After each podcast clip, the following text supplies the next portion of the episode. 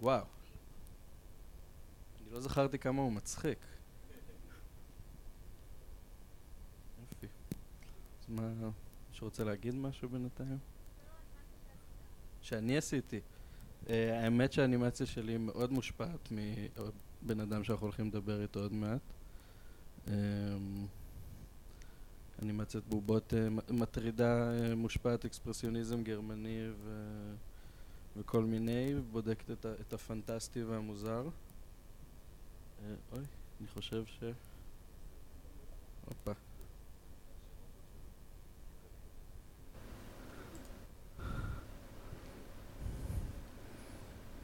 ו...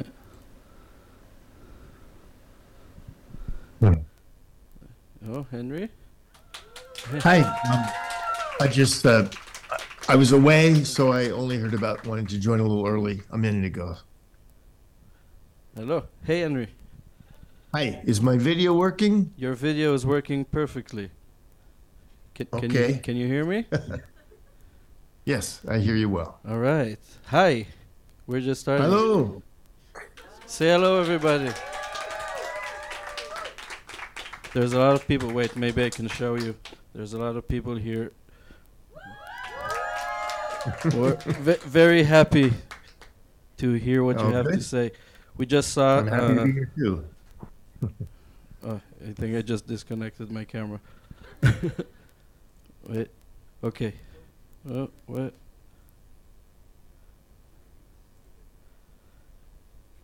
Okay, we're good. All right. Okay, here we are. Um, so I, I just introduced myself to, to the audience as a, I mean, I, oh, just introduce myself. Um, I don't think you need any introduction. Everybody, this is Henry Selick, great animation director and director in general. You did all kind of stuff. You did also live action. You worked in um, all kind of mediums. Um, we just saw James and the Giant Peach, which I which is just f- fantastic film, really really fantastic. And uh, oh, we losing connection with the camera all the time.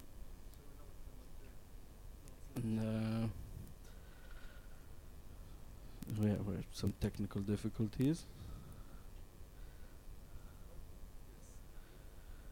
Okay, Henry, uh, I have a very silly question for you to start this conversation, and it's why do you make films? Um, yeah, I, I, I have some some answers. Uh, I didn't, I didn't dream of being a filmmaker. You know, you read stories where you know the the, the movie about uh, Steven Spielberg. He's making films as a kid and all that. Now, I wasn't, I wasn't one of those kids. In fact, my my father would make little sort of gag films, a live action, sixteen millimeter, um, you know, home movies, but pretty good quality. And uh, oh, he'd um, he was, you know, he'd have me dress up in a costume or my my siblings and do these silly little things. And I kind of, well, that's his thing. I was always though an artist as a kid. You know, I was drawing. I was one of those kids always drawing. Um, people were worried about me. He doesn't do anything else. and um, and the thing is, over, over the years, I, I developed other interests, but the artwork was always important to me. And so while I studied, um, you know, some science, uh, I was really into physics, and I did a lot of music. Um, that's still my main hobby. Um, You make it wasn't until I was I was already going to to to college that the whole filmmaking thing happened because um, I was taking uh, I was doing sculpting and photography, drawing and, and, and painting. Um, you know, I had studied some science as well, but it was all artwork. And I couldn't decide what path to take, what direction. Like, well, I have to pick something to to specialize in. And then I saw this um, animated short film uh, on a um, could a, kind of an educational TV station. It was experimental, and and it was uh, it wasn't even that good. It was just it was a mixed media animation short, and the light bulb went off. I realized um, um, everything that I love doing could come together in animation. And uh, in a coincidence, I had found that in a couple of my subjects, um, in photography, I was no longer happy with like a single frame.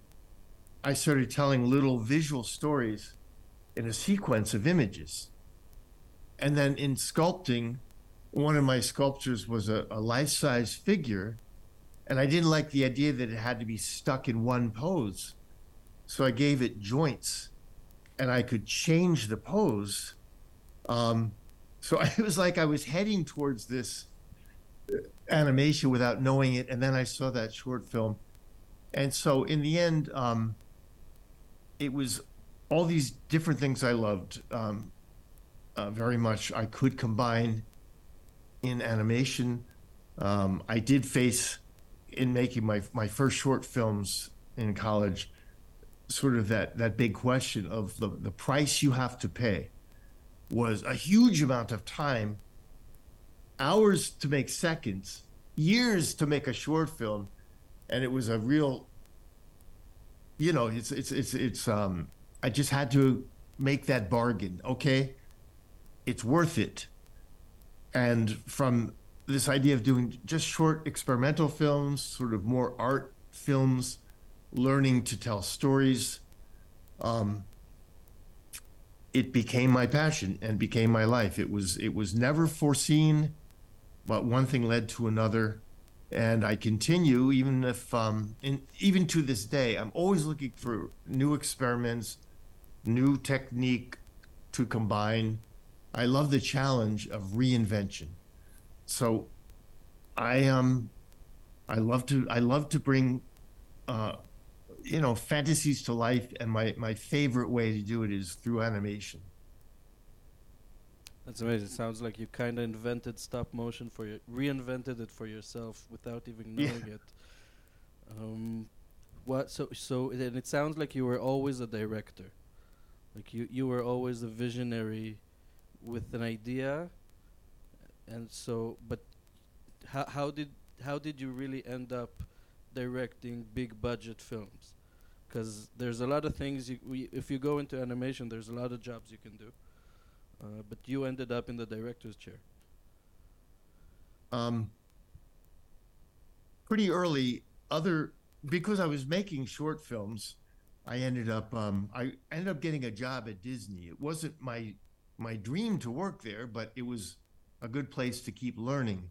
Mm-hmm. It's also where I made important connections with friendships with people that had a lot of you know impact on my on my life but even even there people because of my shorts they saw me as a director and they said oh do you see yourself directing the feature films and i i said i don't know i, I wasn't i wasn't prepared but um kind of two different things happened. I I um as I continued to learn about animation, I was sort of specializing at that point in being an animator, hand drawn back then. Uh, you know, they had painted cell animation before all the computers uh, came came along. But I was always working on the side on my own project. I, I something I had started um, at college, a film called Seepage. I got a grant from an arts program to finish that. Which is and, fantastic, um, by the way. I lo- I just watched Seepage preparing for this interview. Everybody yeah. here should go to YouTube and look for it because it's one of the most experimental things I've seen in a while. And uh, yeah, it's experimental. when I when I showed it at Disney after I finished, I had a lot of like, "Oh, what is this?" kind of reactions. But I um but from doing the short films and experimenting, and then I ended up, um, you know, I left. I left Disney after a few years. It just, it just, uh, you know, wasn't wasn't um, where I was meant to be, and I did I did various things. I did little short animated films um, for MTV. In the early days, they did a lot of animation, but I worked for two live action directors. I did storyboards, and storyboarding on these live action films um, very, very talented people where they wanted to see lots of uh, options. The budgets were low, so they wanted to storyboard and plan all the shots. And that taught me more about directing a mm. full length feature than anything else I did was working under those directors doing the storyboards. This is, you know, the storyboards are like a a cheap way to make your film before you make the film, before you spend the real money. And then after I'd done through that, my old friend Tim Burton reached out, and this what was originally a, a television special idea, The Nightmare Before Christmas. Um, he'd after leaving Disney and becoming a very successful live action director, he'd been offered the chance to make that film as a feature. And he was too busy directing other live action films, so he asked me to direct it. So it was a combination basically of my my friendship with Tim Burton and my um what I'd undertaken uh, in storyboarding in those live action films uh, that kind of prepared me to do the job when I was uh, asked to do the job. Did you feel ready? I was uh, I had no fears. you had no fears. No, I didn't have any fears. I I just um, I had I built a small team um, to do these these uh, little short pieces for MTV, which are very experimental. Um, I had a lot of fun, and and Tim Tim loved those pieces I did, but I started out doing all the jobs myself. And then I started finding really good people. And then I built this small team of uh, animators and set builders and uh, puppet makers. Uh, I started doing um, television commercials with better budgets. And so it was like I was just ready to go. And then everyone on my team became uh, like a, a supervisor on the feature. I mean, maybe I'm an idiot, but at the time, I just it's like it was going to be the first, um, you know, stop motion feature with a with a decent budget from a real studio ever done in the United States. None of us were afraid. We and we ultimately, you know, we worked our asses off, of course, but it was the most fun any of us ever had on a project. But that's amazing that you just went in without fear. And you you stopped. You were working on a on a short uh, original TV series, if I'm correct, right? The Slow Bob in the Lower Dimension, which yes, which you did one episode, which is crazy. It's just one of the. It's ins- it's insane. It's just the mo- one of the most unhinged things I've seen. Um, and you felt okay with leaving your own original idea to do this feature film which is basically an adaptation of Tim Burton's idea. Yeah. Um, you know, I had I had known about the idea for several years. I mean, when he first proposed it at Disney, it was a a television special, and there were fewer characters. But um, Tim Burton in those days was a total genius, and that particular idea and the the uh, artwork that had been done was very, very impressive. I mean, uh, it was very strong. So the choice was I was going to do a, a, limited series of Slow Bob in the Lower Dimensions. And I'd written the scripts, and you would see that this one episode, it would all kind of make sense as the other episodes would have been made. And there was funding from a, a French company, Canal Plus, uh, with MTV and so that was going to go. And then Tim gave me the call, and I, I you know, I met the people involved. It, it, it really wasn't a difficult decision. I mean, I do think what would have happened if I'd made that um, series, and I bet it would have turned out well, but it would be a very small thing compared to what what the Nightmare Before Christmas became. So it, it wasn't it wasn't a very difficult decision. I thought about it maybe two days, and I felt yeah, doing Tim's Tim's uh, idea was a, a, the the better thing to do. A whole feature film, uh, decent budget. I could use all the people that I'd put together my team, and then grow from there. Did you ever think of going back and creating Slow Bob? You know, it's um I have I have at times, but it would be, you know, over the years I thought of going back and trying to approach the MTV people, but all the executives had changed and it was um it was always going to be a challenge because it was it was always going to be very strange and not maybe very commercial. So I felt like, well, it would be a lot of work to convince people again after I already convinced them once to to come back. Um, but yeah, I, I thought about it, but I haven't I haven't seriously pursued it um, really in a, in a very long time. All right, so you do- you dove headfirst without fear into big budget production, which is a great segue to my next uh, question, which is about fear. Because one of your uh, maybe your most famous quote is, "I do scary movies for brave children," and uh, I wanted to ask why. Um, I think it's it's what I'm drawn to naturally.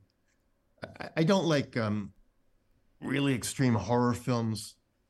I can't. I can't actually. I don't like a lot of blood and and the gore and torture, things like that. But I think that there's a long, long tradition of um, scaring children with stories, movies, artwork, uh, even puppets. Um, it's it's kind of cautionary tales. You know, when people lived in caves, say, and there's everything outside that cave could eat you. Somebody's got to teach these kids, and so they would, rather than just say, "Don't go out the cave, you'll get eaten." You know, they'd invent stories and embellish the stories um, about what might happen, which it's sort of like the basis, I would say, of the Grimm's fairy tales, which were stories that were collected by those brothers.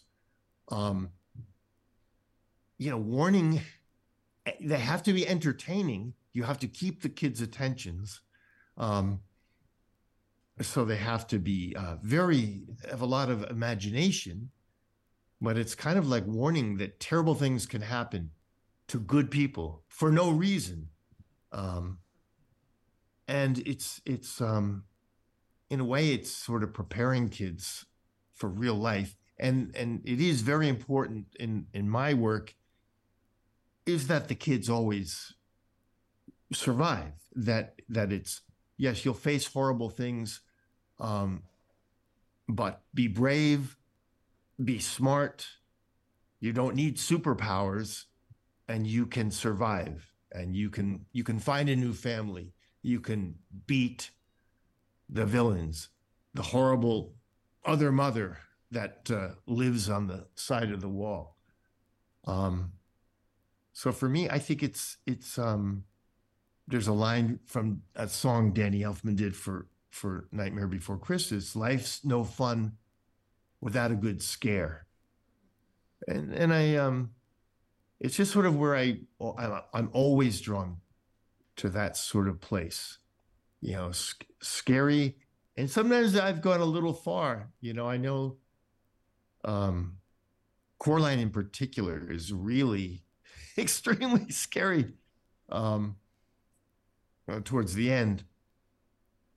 Um, but you know, I sort of I base things on audience reaction and and uh, the rate. We have a film ratings board, and and you know they said okay. Um, but in in a way that that motto of mine of uh, you know I make you know scary films for brave children. I sort of want I want the kids to know you you have to be brave to watch my movies.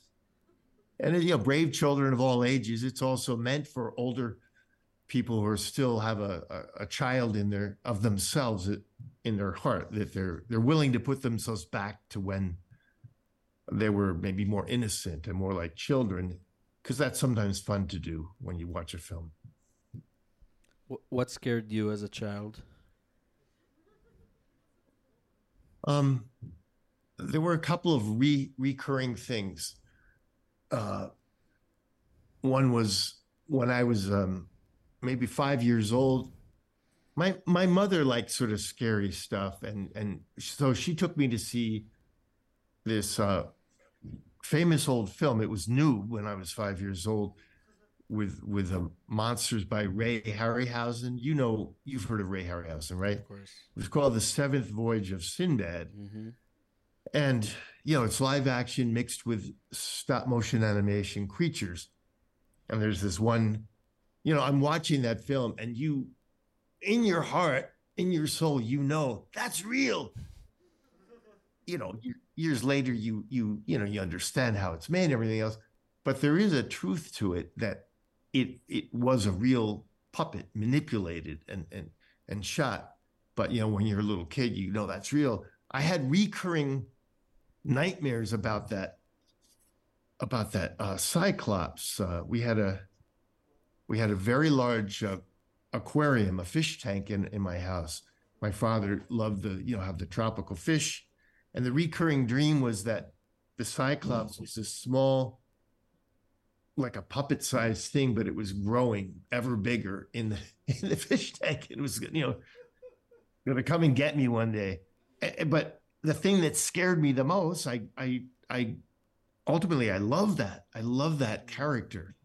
I love what Ray Harryhausen, um, gave. He gave a soul to this. You know, the animation's kind of crude, but the, um, the design and the acting are so are so good. Uh, I also the other the other recurring thing is, um, you know, for a lot of the kids uh, in in the U.S. that celebrate Christmas, there's this Santa Claus idea, but I I had this fear that there was a witch that lived in my chimney, and this witch, you know, w- was going to come down and take me away through that through that chimney. So that was another another recurring fear of mine. You know, dream I would have again and again for a few years. Um, and finally, I would say um, my my my father was from uh, the state of New Jersey, right near New York, and I grew up there. But my mother was from the deep South of the United States. Uh, you know, her family was very poor. We would go down every summer until I was 16 years old. And one of the best things, though, was their imaginations. And I, we had um, this relative, Aunt Aunt Lib. I don't know if she was my real aunt or everyone just called her Aunt Lib. She was very beautiful. She wore bright red lipstick, but the thing she did was she'd gather all the cousins, the kids, and tell ghost stories once a week at night. And they were bone chilling and wonderful ghost stories. Um, one was about a, a, a witch who'd captured some uh, children, and at night she would take her skin off like a costume, like her clothing, and hang it up and sleep without her skin. And then the, the kids managed to put hot pepper inside her skin. And uh, when she woke up to to catch them when they were trying to escape, she put it on, but the hot pepper got her. Um, but then, but then at the end, Aunt Lib would always give us something magical. You know, one of the gifts I remember after she'd scare the hell out of us, she gave us all a Mexican jumping bean. I don't know if you've ever heard of it, but what it is, it's a it's a small, it's a small nut that has a worm inside it that is moving. So you you put them out, and these little nuts are kind of rocking. Um, anyway, those are those are some of the foundational things I was scared of. Wow, that that that's amazing. I feel like you gave me the the Harryhausen experience with uh, the Nightmare Before Christmas. Because I remember when I first saw it as a child. I think I was maybe eight or nine years old. I it was maybe the most terrifying thing I've seen, but it, I also couldn't keep my eyes off of it. And I Yep. and, and and I think also like subconsciously knowing that this is an actual physical thing, which is something that is very unique to stop motion. Uh, also, just added to that experience, and I would love to hear if you think, like, were you drawn to stop motion in particular because of that uh, attribute that it has? That it's there's something weird about it. It's real, but it's moving in a way that it's not supposed to, and yeah, I, I um, yeah, I tried um different types of animation. Um, yeah, I, I, I, I was that kid who was drawing all the time, so I I worked at Disney and and did traditional. I trained with really good people, much better animators than than myself. But I did that. I did a lot of cutout animation. But um, it was uh, when I did that film Seepage, and I got the the government grant to finish this film I'd started as a student. That's when I really kind of went from 2D to 3D. I had these large figures that mm-hmm. they're mainly cutouts, but they're in a dimensional world. And I um I just got very excited about um stop motion. And and that that sort of grabbed hold of me and um became my specialty. It was just I even ended up I did a, a, a CG short film at a, a company years later called Moon Girl and it's okay. It's um, but the stop motion is what I'm most drawn to. I think part of it is, um, I said this in a, another interview, so if you've heard it, I'm sorry, but I think that when you're a kid, when you're very small, everyone has a favorite toy, a doll, um, a, a, a stuffed animal, um, you know, not a real animal, but everyone is a, that they believe is alive and that they talk to it, they share their thoughts, and in your mind you you make it come to life. You can almost um, see it moving. I think that that's maybe a, a, a primal thing about stop motion. It's your it connects back to that time when you're like very very young and toys came to life um, and I think that's one thing that that attracted me to it. Uh, uh, the other side of that of stop motion is um, it feels like ancient magic, old magic.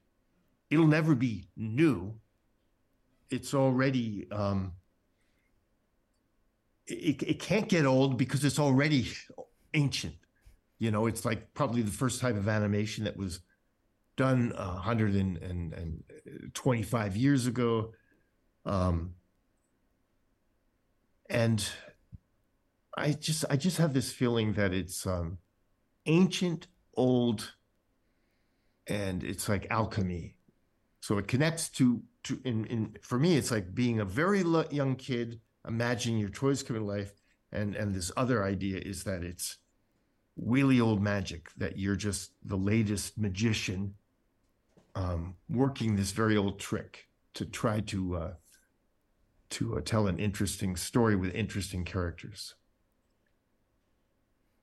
I completely connect with that. Uh, I think that's also what draws me to it. Um, let I, let's talk about Seepage a little bit, even though I don't think anybody here except for me saw it. Um, but you should, all of you.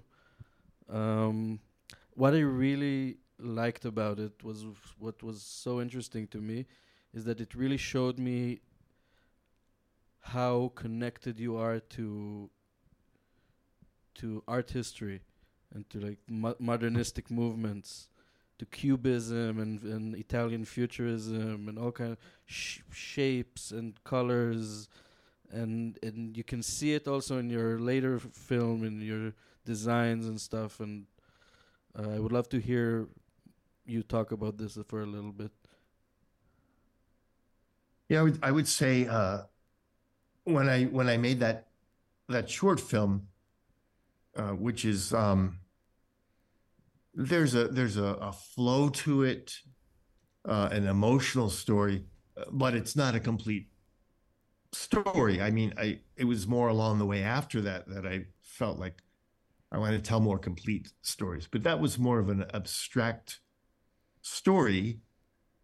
But one of the main things I, I did was I, I I took some of my main inspirations uh, from artists and literally just pulled them into the the film. There, I mean, there some of them are very obvious. Uh, Picasso, um, Paul Klee, um, Kandinsky, um, you know, some of the artists of the of the so-called modern modern period, which is now ancient, but um, I was experimenting. I just wanted to see what does it what does it feel like, and there was a very good um, artist who mainly did things for the magazine, uh, the New Yorker. The New Yorker is a magazine that's always had beautiful artistic covers and really great cartoons, and I've had it my whole life. But this artist, his name was Saul Steinberg. Um, he's he's incredible. He's you know later he wasn't from the the modern art period. He was from much later, but he um he's just someone I love. So I also I also sort of was heavily influenced from him. So I, I use these different styles um in that in that short film. I also used stop motion and I used um, hand drawn animation, a little bit of cutout animation and I think it was it was just me trying things on. I was like, it's an experimental film. I want to experiment with um, taking these these influences very directly into the film and bringing them to life. Um, along the years afterwards, I think that it was my style, my influences. Um, they became more sublimated so that it's not so obvious maybe what the influences are and they grew and, and, and i kind of developed my own style um, or i choose to work you know i choose uh, to work with, with, different illustrators and, and sculptors and designers that i'm drawn to because it feels like a complement to a, a, vision i might have for a film um, for example on Coraline, which um, you know was was was a film I made like 12 years ago. Um, I happened across this Japanese artist, Tadahiro Uesugi. But the funny thing is, his work, he's an illustrator, beautiful, gorgeous work, but his work is directly influenced by late 1950s, early 1960s American illustration. Of that that sort of fed into his style, and it's um, it's the basis of his of his work. Um, but you know, there's there's no there's no real connection to the modern art movement in that in that film. It was more about Tadahiro. It was more about high fashion. Um, so you know, from a, a, time when I was taking my influences very, very directly, I kind of came to a place of um, just having developing a sensibility of what feels right for this project. And I still draw, I still sketch, but mainly finding artists better than me who who are the right the right fit for a particular story. Do you think you'll ever be as experimental again? Um, I always try to have something experimental in my films, like um, James and the Giant Peach. You know, he he has this nightmare when they um, when they get off course. Mm-hmm.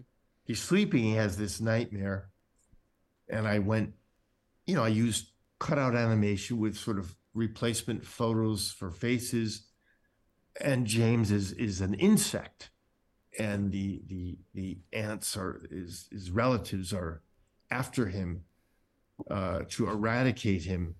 And for me, that was sort of the experimental part of that film. And the people at, at Disney, they didn't like it very much. but but um, I don't care. I I I'm very proud of that experiment. Um, in um, in the newest film, Wendell and Wild, my experimental area is where the main character, her name is Kat, she sort of has to uh, enter this. It's like entering the cave uh, and face your fears, and she sort of um, has to face her her demons, and not be controlled by them anymore, but take take charge of her own memories, the bad things that have happened to her that have become like this memory monster. She has to stand up to it, take it apart, and own her memories. And that's the experimental section of of that film. So in a feature, I would say I'm always going to experiment at least in one large sequence and then with the look of it or or a character design. Um, I think the only like a, if I was going to do a, a purely experimental project, it would have to be a short film because you know people people aren't going to pay for a, a feature length purely experimental movie. You know, just that's not how it works. Yeah, unfortunately. Um, I I wanted to ask you because you we, we we have the the privilege of having someone here who went through the motions of technology. Uh, I mean, Nightmare was shot on film, right? Hmm? James and the Giant Peach was also shot on film. Yes. Yes, and from Coraline on, it's already digital. It's a digital photography, c- compositing, and everything, right? That's right. So what? How?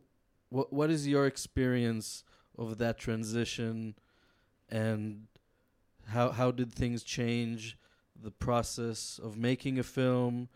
Um, you, because you you also you spoke about stop motion being this ancient thing, this very um, material thing, and then when you add the digital element to it, I wonder what how does it change the art, and what what do we gain, what do we lose? Yeah, I've um you know, I'll I'll give you a few sort of examples of how the technology came in and how I try to use it and try to not let it sort of take control. But when when we go back to Nightmare Before Christmas, we're shooting on film and um it's always this this uh, nail biting time. You, you finish your shot, you send it to the lab, and you don't know is it going to work? Um, is the lab going to screw up and and mess up the film? Because once in a while that that happens. Um, these are all, you know very short pieces of film for the lab, so they're just cutting it all together and uh, and, and then the big breakthrough was someone invented a digital frame grabber um, and how many frames could it grab? It could grab two. So, but what but what we had was we did have these old uh, 35 millimeter cameras that were very good for doing stop motion. The the, uh, the movement in the camera would register exactly, so it wasn't jumping around all the time.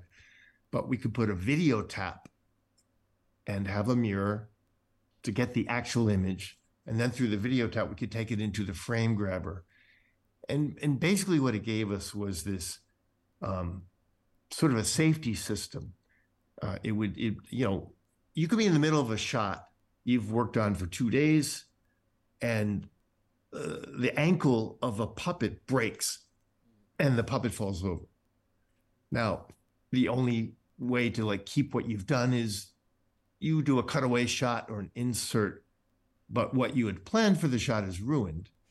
But now with the digital frame grabber, we remove the puppet and send it to the puppet hospital, and it comes back fixed.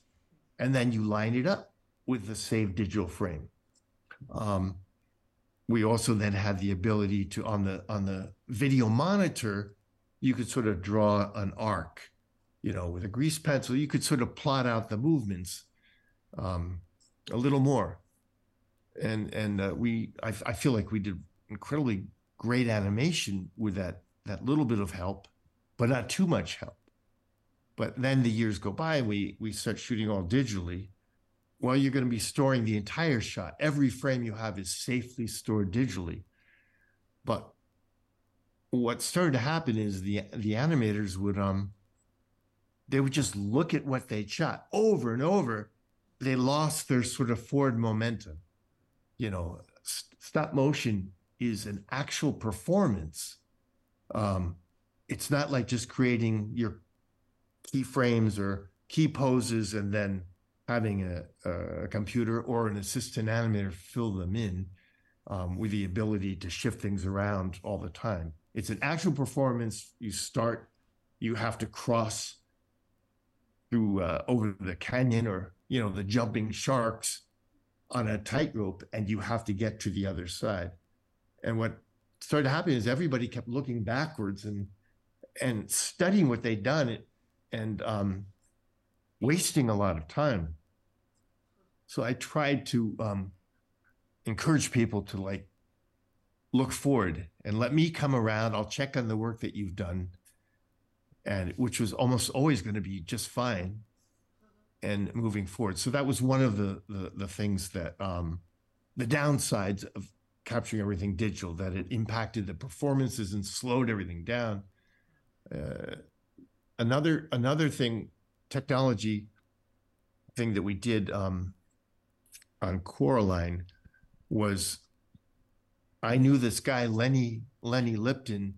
He died recently, but he was uh, a longtime friend, and uh, he's an amazing guy. Like when he was 19, he wrote the lyrics to this song "Puff the Magic Dragon," which became this giant hit. But he was also a scientist and a filmmaker, and for years and years he was developing a sort of modern 3D um, cinema you know, where where um, I don't mean 3D like CG, but but um, he would he would call it stereoscopic, and I would always check in on him every few years and see how it was looking, and just you know, shoot the shit with him and and and catch up.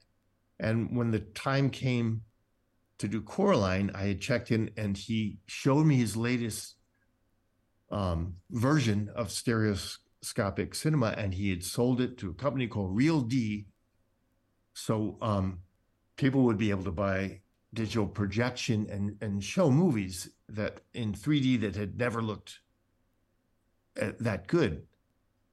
So I I felt like I want to use this technology for Coraline, and um, we ultimately I think we used it better than anyone ever had. In fact, we were there was a competition for best 3D film of the of the year, and we beat James Cameron's Avatar. Um, I didn't think we'd win, so I didn't go to the, the ceremony. Someone took the award, and I've never gotten it. But um, the, th- the thing is, we put a lot of effort. We, I wrote like a script for how do we use the 3D well, not to show it off and like make people tired of it, but make it part of our story. You know, there, there's a girl Coraline. She's very unhappy in her in her life she discovers another version of her life. So make her real life feel very compressed and not very dimensional. And we actually built sets that were not deep, they were very shallow. She goes to this other world, and then everything we built everything deeper. And we made the 3D effect be more about the deep space rather than going into your eyeball. Uh, we also um, we saved we saved the um, poke in the eye for maybe two times, but then we also started to make when the other world that seems so beautiful starts to be a dangerous place. We made the uh, 3D part of it very intense. Um, but the net effect of what I'm saying about that new technology was, um, you know, suddenly all the theaters could could show 3D you still you had to wear these glasses. People didn't like that, and there was a ton of bad 3D movies. Everybody was doing their films 3D, and they were doing it badly. So what we thought was the future of all cinema kind of just became. Uh, it was more expensive. Oh, you want to see it 3D? You have to pay twice as much. My, my my point is, for that moment in time, we did something amazing, but in the long run, I, I don't shoot 3D anymore. It was it was um was it a waste? Maybe. Um but it was fully embracing technology doing it very well and then that becoming kind of a tired tired thing even though you know there are still some 3d films. Um as far as drawing the line between what's appropriate and what's not on Coraline, okay, we're embracing, we're shooting digitally. You, you can store the entire shot. We can composite without any generation loss, which is wonderful.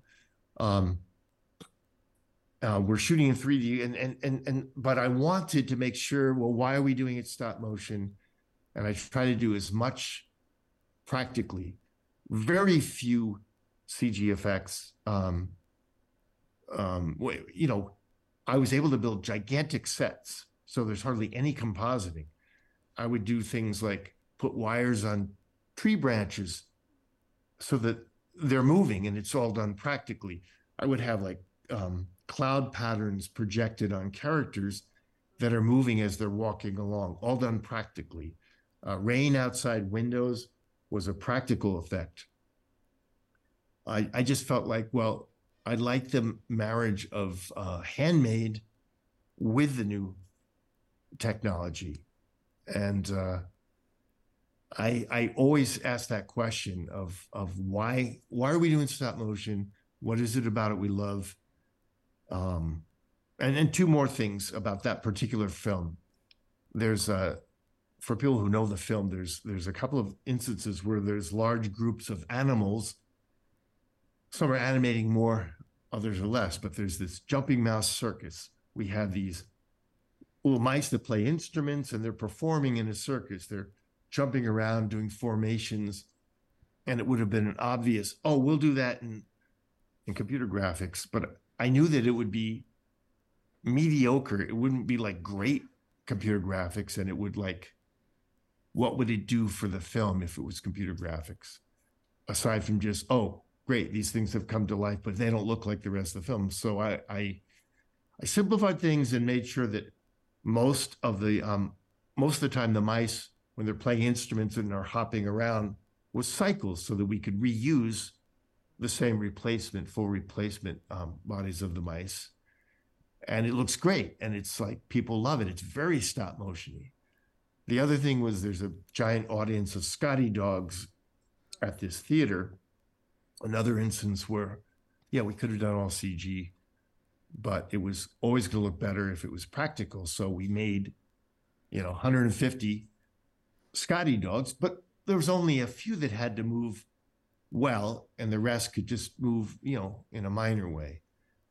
So I um I pushed really hard to do as much as we could practically, you know, not not digitally, because we're already using digital to capture the film and um, do the posts and, and, so forth. Um, now I have seen I've seen films, you know, um, I, I did the first film at this company called Laika, which was, um, uh, you know, Travis Knight, Phil Phil Knight, the the guy who has the Nike shoe empire. His his son turned out to be an extraordinarily good animator, and the and this company was formed to do animation. Uh, and Coraline was the first feature film, but Travis has in subsequent films he has used CG to do crowd scenes and this, that, and the other thing. And the animation is so perfectly done. I sometimes wonder uh, why are you doing it in stop motion if no one feels that or knows it? I think um, you need to be reminded um, of what is it about it that you love. And um, I, I think so. I know there's a, it's a very long consensus. answer to your question, but yes. it's it's complicated. It's complicated because I even now on the last film um, or anything else, if I make any more films, it's like, what is it about it that first drew me to stop motion? And is the audience going to be okay when things aren't perfect? When there's bumps and mistakes, which to me are part of the charm of it. And I have to say, yes, maybe not a big audience or everyone in the world, but there are enough people who get it, who love it. And I know that there's lots of kids still learning to do stop motion, thousands and thousands of kids, um, because it's so tactile and direct. You set up your phone, there's probably a free program to capture the images, and then you take a toy or um, aluminum foil that you can shape, or or clay, or Legos, and and so I, I feel like there's there's always going to be um, kids wanting to do it, wanting to see it, and enough enough people to keep it alive. That's amazing. I, I completely agree with you. I think there's a general consensus here in the audience about the, the feeling of the films. I'm being uh, signaled here that we're running out of time. Oh Uh, yeah. We I think we'll take two audience questions. Does anybody? Oh come on, three, three, Three. three. uh, Henry wants. Can we get three? the, the rule of three. All right. We'll take three audience questions. Um, yes.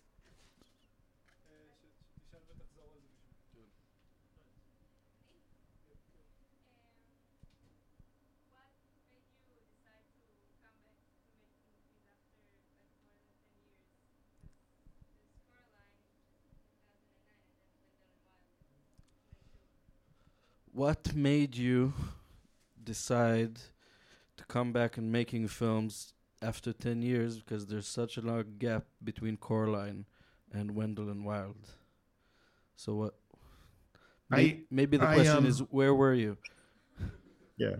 No, there, there's no there's no like big big mysteries. After after Coraline, I actually did set up um, a new studio in in San Francisco where I'm mainly live, uh, where I'm from, to do another film, and we got very far on it. It was uh, called The Shadow King.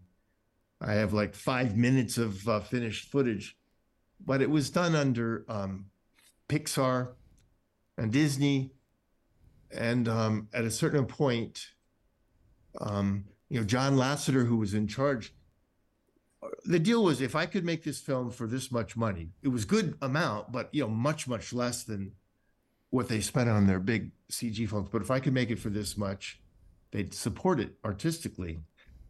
And so we're well underway, but John couldn't help himself. He just he kept asking for change after change after change. After I had I had total freedom on on Coraline, I got to do exactly what I wanted. Um, it doesn't mean I didn't listen to people if they had good ideas, but with John Lasseter, he kept changing everything to the point where the budget was going to creep up and go beyond what we'd agreed, and they shut it down. It was one of the uh, worst days and best days of my life because I couldn't take being tortured like that um, forever and ever. So um, between that being shut down in, uh, I think it was 2012, and then my mother became quite ill, and and uh, I I spent a lot of time with her, and I kind of just sort of stepped away um, from from filmmaking, and um, eventually, though, I you know I had this old idea, the Wendell Wild idea was something I'd kicked around. And Jordan Peele had a show on television, Key and Peele, that really riveted me. And I sort of came, I came out of my shell, reached out to them, and eventually did something else. So I didn't just shut off immediately. I had another film, and that's a film that I might pick up again because I got the rights back from from Disney to The Shadow King. So yeah, uh, uh, what what is the might? What what's the update? Um, it's just a question of going out and um, trying to to sell it. I haven't I haven't done anything with it for years, and it won't be the same film, but it'll be based on my original story. It'll it'll um it'll be a better film than what was happening. It it, it won't be a film by committee, uh, but I've I have high hopes. I I- mean, it's a really good idea. I mean, I'll just tell you the idea is um this kid that's um if everyone knows the story of Dumbo the elephant, it's a very sweet, beautiful film. Um, you know, a deformity, giant ears become the miracle because an elephant can fly. Well, I sort of took the idea, but it's not as cute. It's a, a kid with the longest fingers in the world. They're as long as noodles. And and his brother makes him hide them because they're embarrassing and people make fun of him but it's it's this kid who is ultimately he's taught to make hand shadows they're the most amazing hand shadows in the world you know something that when you're a kid and you see a good hand shadow, it's it's it's miraculous. But his are ph- phenomenal, and he can bring them to life. Um, and there's you know ad- adversary and and and a monster shadow and all this other stuff, but it's a it's a good story, and uh, I I've always loved shadows that that move that come to life. So I have hopes of uh, bringing that one back. Okay, please make it. I want to watch it. Uh, any, any other questions? Yes.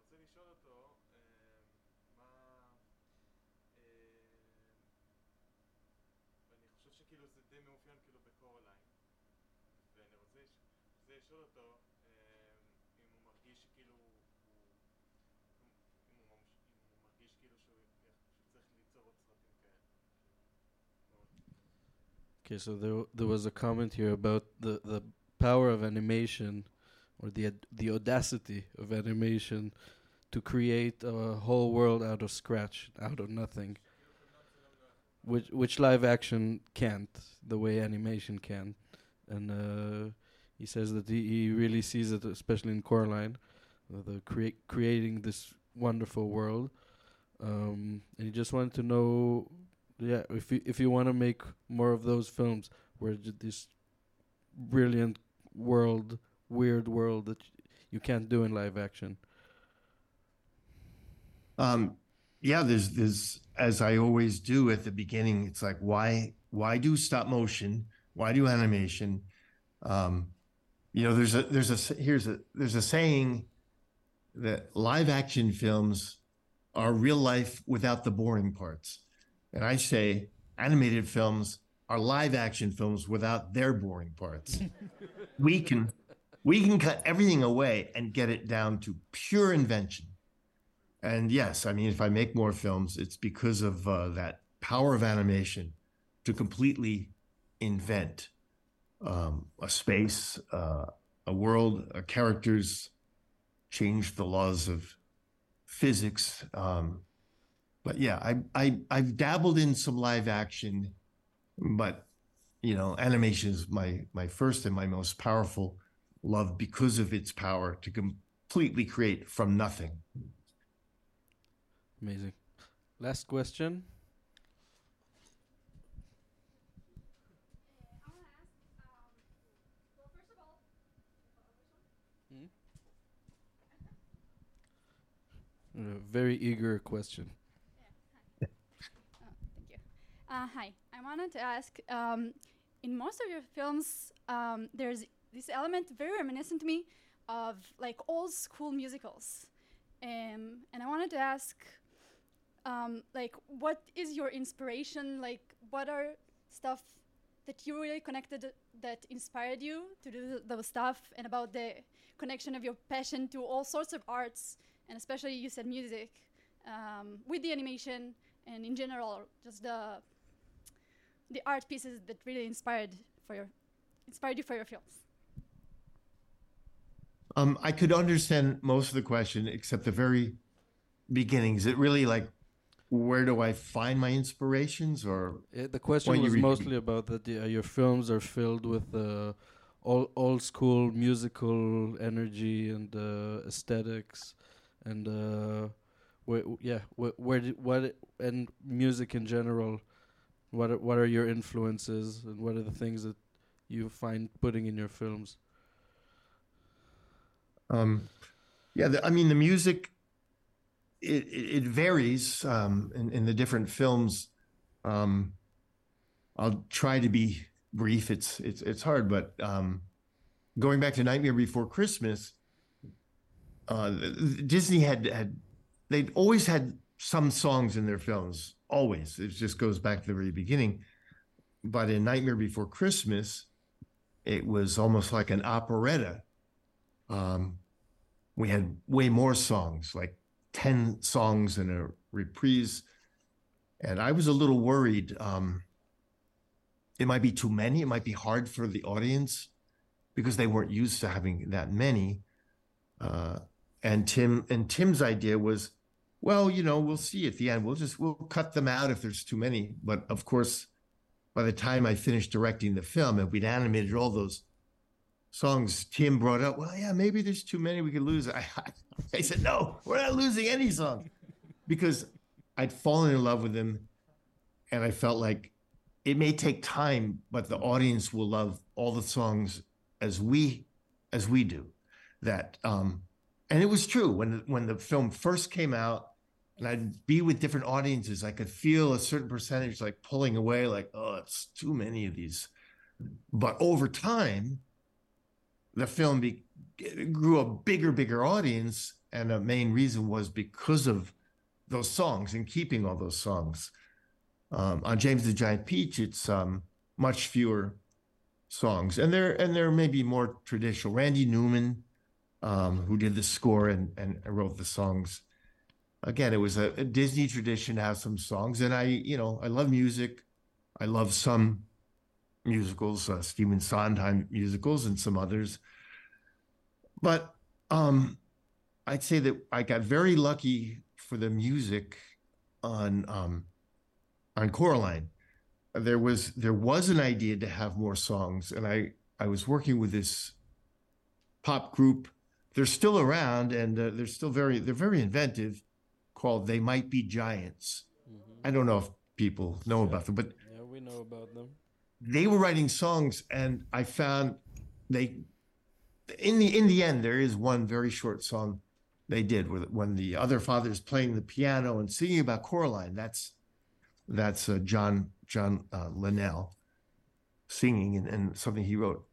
But it was um, I couldn't really collaborate with him. I felt like, well, if I could just pick songs I'd already done, it might work. But it, it, it didn't fit. It didn't fit. And then uh, I found the composer Bruno Coulais, who ended up um, doing the score. And he was, you know, this French composer. He had done a few nature documentaries. One was called Microcosmos, about the world of insects and tiny things. Um, another one was about bird migration. But I felt, you know, when you're when you're looking for someone to score the film, to write the music, you you listen to everybody. Find, well, who seems like they could fit? And and it was either the music would be too childish or too friendly or too safe, like from a lot of animated films, or too dark, like if it was a horror film. But I, I found with Bruno Coulais, I got this feeling that he he could bring out a sense of real childhood fear and magic and fun, like the truth of what kids sense about things. That they're fascinated. They might be fascinated by something dead. Um, they have fears, but they also can be very brave and bold. So finding him, uh, and then having him do the score, and he and he added some songs I feel is a miracle. And that film, Coraline, I think at least a third of its success. Would you maybe put him in a room? Uh, is is like so instrumental in in um, making the film the whatever you, I consider a success, and and and his contribution is that way. So, um, this last film that I did, we ended up using a lot of of um, needle drop songs, existing songs. Some of them are, are 30 years old, but because the character of Cat, um, and that was a new experience using existing, you know, pop songs, um, punk music, fitting those in with Bruno Coulais was was very challenging. Um, but I, I will I will say one one good little funny story I'm a musician. And when I was young, I thought, oh, I'm going to, that's going to be my life. But I, no, animation became my life and I'm very happy. But I still play. I play piano and some guitars. I used to play clarinet. But it comes in really handy because I can, I can, well, back, back on Nightmare Before Christmas, I'm working with Danny Elfman, who'd already had some huge success working with Tim, and before that, he was a successful rock star. Let me say, you know, Danny's going to have a gigantic ego, and um, there was a part a part of the film where it's called Making Christmas, where you go back and forth between uh, the nightmare world, where Jack Skellington and his group are preparing toys to be given to the kids, and a lot of them are horrific and scary and weird, and then the the um, Santa world, um, where all the elves are making the traditional toys of the of the time, and I wanted the music to change between the two because Danny had had the same pounding in both, and he just completely dismissed me. So what I did was I went and I wrote something myself, and it wasn't meant to be in the film, but I said, "Oh, hey, Danny, look, I look what I tried here," and he just said, "Oh, I could certainly do better than that," and and he, you know, and that's and that's that's so he did, he did, he did what I wanted, but I had to, you know, trick him a little bit. Amazing. Directors do whatever they can to get what they need. Amazing. That's an amazing note to finish this conversation. Thank you so much, Henry. Thank you. Yeah, thank you, Alon, Alonzo, and and uh, everyone who came to to watch. Um, uh, and and I wanted, I hope um, the animation. I I've never been to Israel. I'd love to come, and I'd love to visit the animators. Yeah. Um, do You you guys very- have any animation film you are festivals? very welcome here. Yeah, come to it. Come to our festivals. Come to Animation. Uh, come to Animix. You are very, very welcome here. It's, w- it's been a pleasure speaking to you. Thank you very much. We need to clear the place because they're Alright. gonna just have a little film here called Coraline on the screen. Okay, I hope people like it, and uh, thanks thanks for uh, listening. Thank you to me. very much. Wonderful to, to speak with you. Bye bye.